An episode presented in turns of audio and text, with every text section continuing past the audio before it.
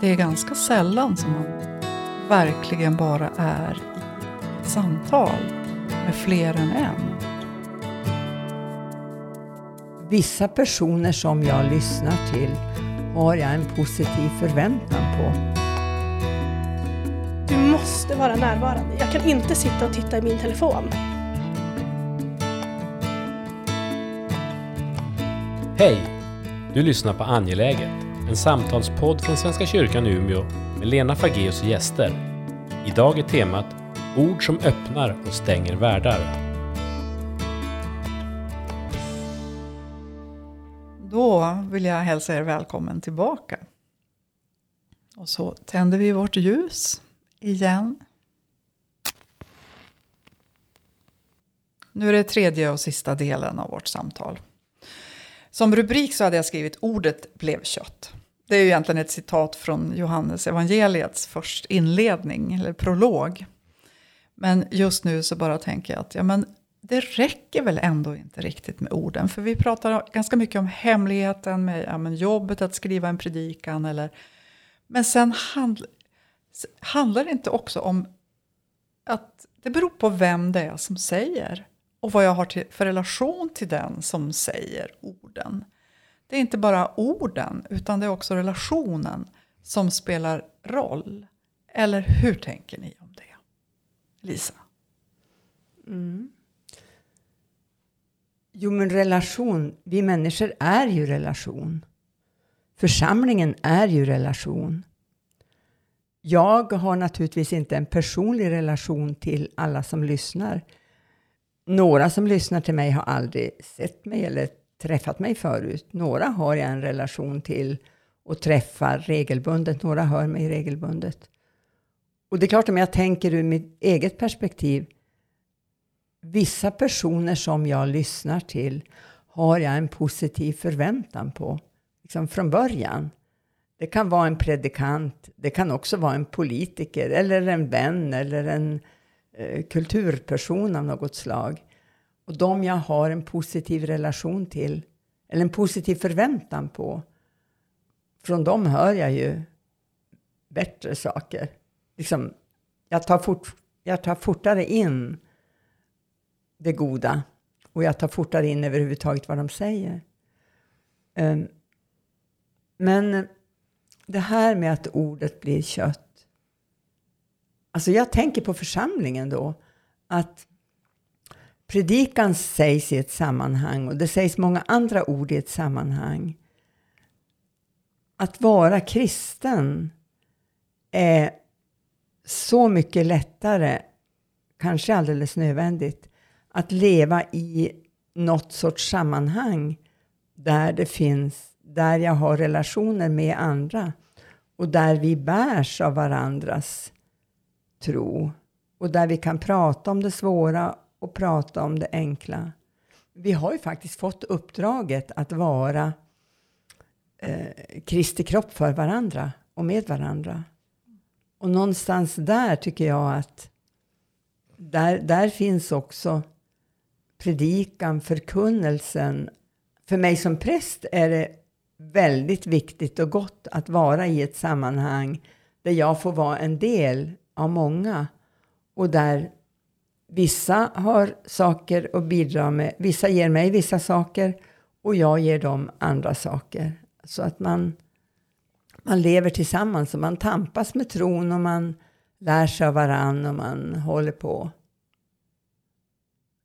Ja. Men sen kan ordet, det här med att ordet blir kött. Det kan vara så väldigt många olika saker.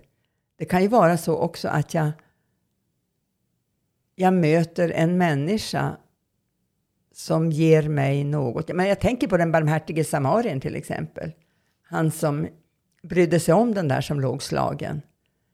Han predikade ju inte ett dugg med ord, utan han gjorde någonting. Och eh, så småningom så förstod både den skadade, men säkert också värdshusvärden som stod bredvid och fick vara med lite grann i det där att oj, det här är Guds verk. Det här är Guds ord. Det här är evangelium. Så att, um, orden kan ju komma efteråt också. Och mötet först. Lina, vad säger du? Eller vad blir dina tankar om det där? Så vi, jag tycker inte vi ska nörda ner i ordet blev kött, för det, är, alltså det, är, vi kan, det kan man också hålla en lång föreläsning om, eller predikan, om själva det bibelordet. Utan nu var det mera, liksom, ja men det finns flera aspekter.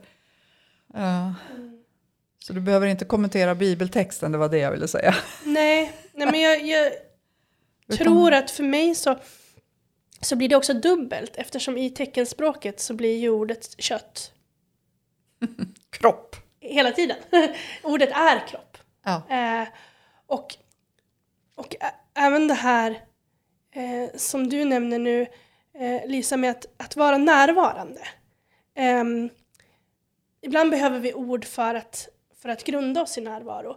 Eh, men när jag använder teckenspråk och talar teckenspråk så en av de aspekterna som jag älskar med det språket, det är att du måste vara närvarande. Jag kan inte sitta och titta i min telefon, för då ser ju inte jag vad du säger till mig.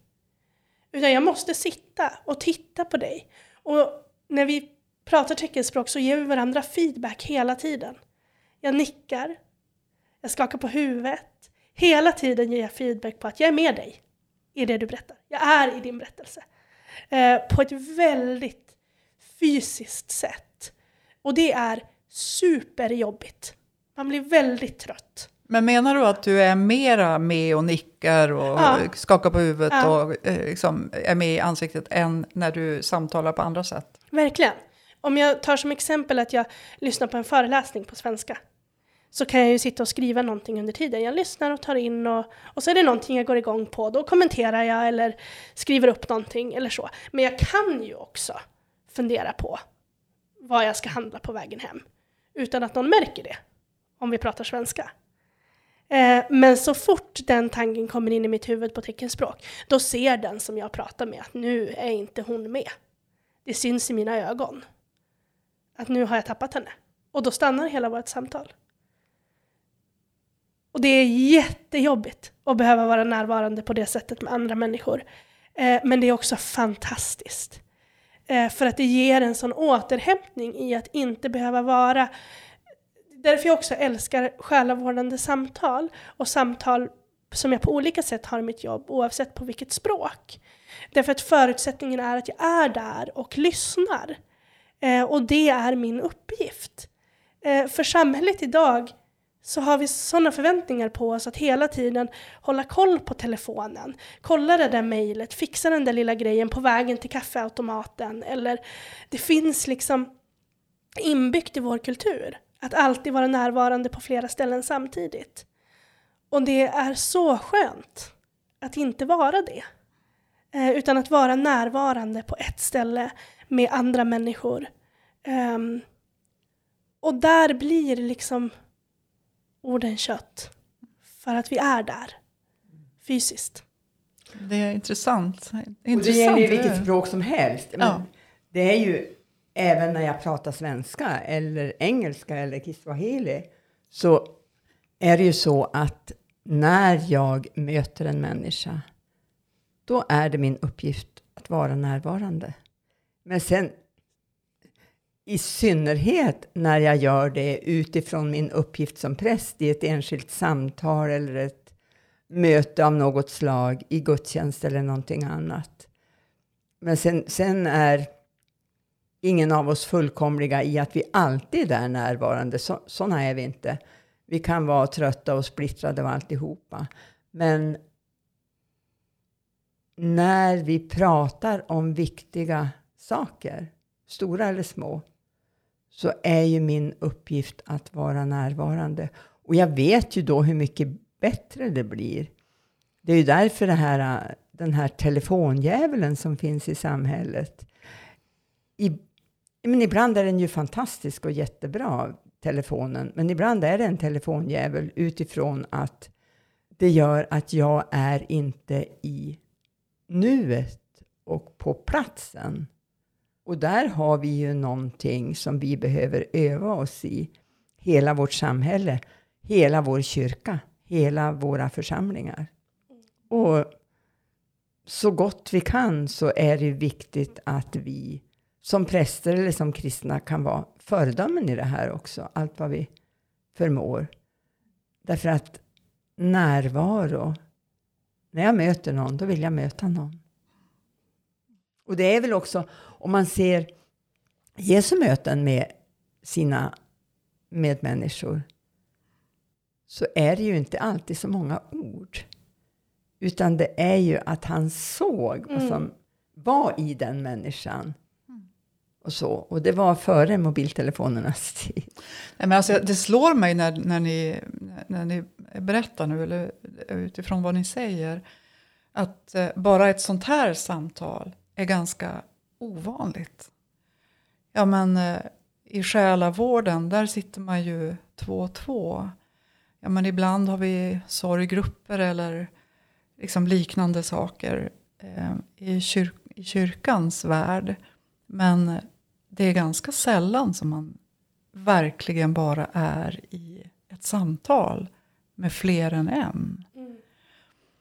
Ja, men vid middagsbordet, men då skramlar vi med porslinet och mobilerna finns i någon, något skrymsle och det är inte säkert att det blir ett, ett, eh, ett fullt ut uppmärksamt samtal. Det slår mig när, jag, när, vi, mm. när ni kommenterar det där med hur splittrat det hela tiden är. Och att det, att, att det är otroligt viktigt tror jag att orden, för att orden ska öppna världar, då behöver det följa med en kropp som säger orden. Alltså att vi verkligen är där med full närvaro. För annars blir det, det, blir inte, det uppstår inte kontakt, det blir mm. inget möte. Men och det finns något där i att också behöva lyssna på ord som man kanske inte vill lyssna på. Eh, för jag tänker på det du säger nu, att, att det här att vi sitter tre så här och har full uppmärksamhet på varandra. Eh, I ett annat sammanhang, så när Lisa säger någonting som jag inte är så intresserad av, jag har inte läst Västerbottens författarna till exempel, då kanske jag passar på att ta upp min mobil och så kollar jag lite på den. Och då har jag kopplat bort mig själv från sam samtalet. För vi är vana vid att, att det är acceptabelt. Att vara med när jag är intresserad och koppla bort mig själv när jag inte är intresserad. Och det, precis som du säger Lisa, vi kan inte alltid vara 100% närvarande, det mäktar vi inte. Men, men det finns också någonting, en hemlig kraft i att eh, lyssna på även ord som jag kanske inte vill höra. Att, att gå i en gudstjänst där jag inte känner predikanten. Jag vet inte om jag kommer tycka att det här är okej okay eller inte, eller om det kommer ge mig någonting. Eller om jag kommer sparka på stenar. Men jag sitter där ändå. Eh, och jag är med i det här samtalet. Och när någon pratar om någonting som jag inte är så intresserad av så är jag ändå med. Och lyssnar ändå. Um, och det tror jag vi skulle behöva mer av. För där lär vi oss mycket om oss själva och om andra. Jag tänker också på att det finns ju, jag är ju också legitimerad psykoterapeut och har ehm, eh, en skolning inom samtal som, ja, som är djup och gedigen. Och jag tänker på det när vi pratar nu om det här med, med orden och, och hur man lyssnar och så. Att eh, det som, och det, det, är inte säkert att man tänker på det i vanliga fall, i vanliga samtal, men att vi har ju en otrolig simultanförmåga när vi är i ett samtal. Hur uppmärksamt man än lyssnar så, så går eh, associationer och mm. tankar ikring. Någon gång så gjorde jag en övning för en, en grupp som jag föreläste för. Då fick en kliva fram och så berätta hur, vad de hade gjort på helgen. Och sen efteråt så fick eh, alla sätta sig ner och skriva ner allt som de kom, kom ihåg att de tänk, hann tänk, tänka medan den här personen berättade. De behövde inte redovisa, utan bara hur mycket. Och det var ju liksom A4-sidor på en minuts prat. Och då, var det ändå uppgiften var att lyssna uppmärksamt på den som berättade. Och jag, istället för att liksom känna gud jag är en dålig människa som inte kan lyssna uppmärksamt så ska man fundera över vad är, vart går det? Alltså, om man vill analysera vad som än händer i mötet så kan det också vara så att jag kan använda mig av den där, det där som jag far iväg för det är också en berättelse om vårt möte just nu.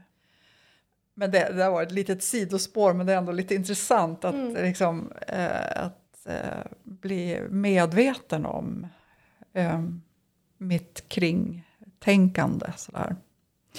Men eh, när man pratar om det där, jag vill koppla tillbaka till eh, orden och relationen. För visst är det väl också så att ord som berör, eh, eller ord som blir, ja men ord som berör, eller det, det sitter ihop, trovärdigheten sitter ihop om den där människan bara pratar. Eller om det också är levt. Om jag säger en sak och gör på ett annat sätt, då blir det inga ord som berör. Nej. Så det är någonting med att det, det som jag gör och det som jag säger behöver vara ett språk. Ja, jo, men så är det ju. Men du, det kan man ju ta de mest banala exempel på. Jag menar en människa som pratar om att, vadå? Var glad. Var, ja, men var glad eller sopsortera eller Ja. vad som helst. Och så gör hon det inte själv. Så känner man, vadå? Um, och det är ju därför som till exempel politiker ibland kan, utan att de eh, bryter mot lagen, kan råka så illa ut om de bryter mot någonting som anses eh, vad ska jag säga, moraliskt rätt i deras ideologi och parti. Alltså de kan behöva avgå för det. Därför, och det är ju offentliga exempel. Men, men det där finns ju i det lilla också. Att en människa som ger uttryck för att eh, vi ska vara schyssta med varandra och ta hand om varandra och aldrig har tid att ställa upp som klassförälder eller som eh, eh, i hyres... Eh, bostadsrättsföreningen eller, Eller aldrig kan koka kyrkkaffe eller någonting.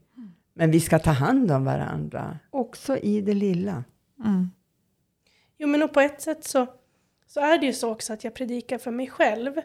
Ehm, inte som terapi, men, men vissa saker, många saker, eh, som jag predikar om, är saker som jag själv verkligen behöver Bli påmind om. bli påmind om. Och jag kan också komma tillbaka till gamla predikningar.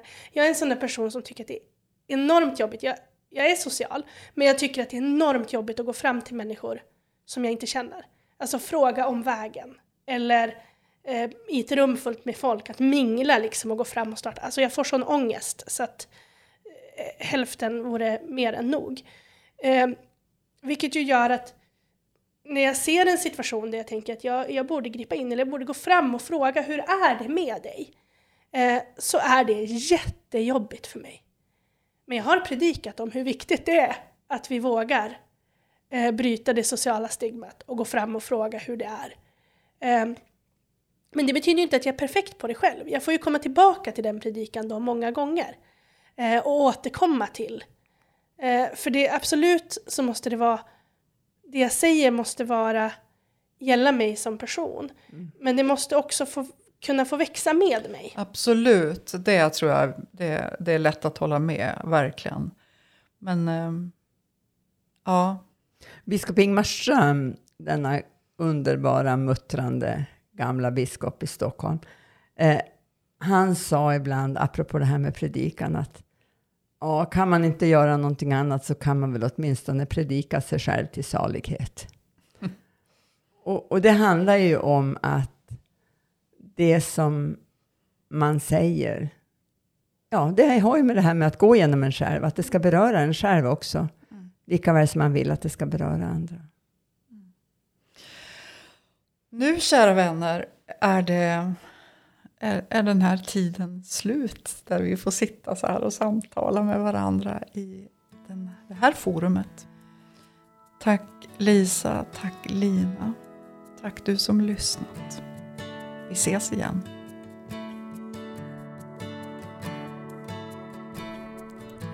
Du har hört Angeläget, en podd med Lena Fageus och gäster. Podden är producerad av Svenska kyrkan i Umeå. Vill du fortsätta samtalet når du oss på Svenska kyrkan i Umeås Facebook eller via e-post till umia.kommunikation svenskakyrkan.se. Tack för att du lyssnade.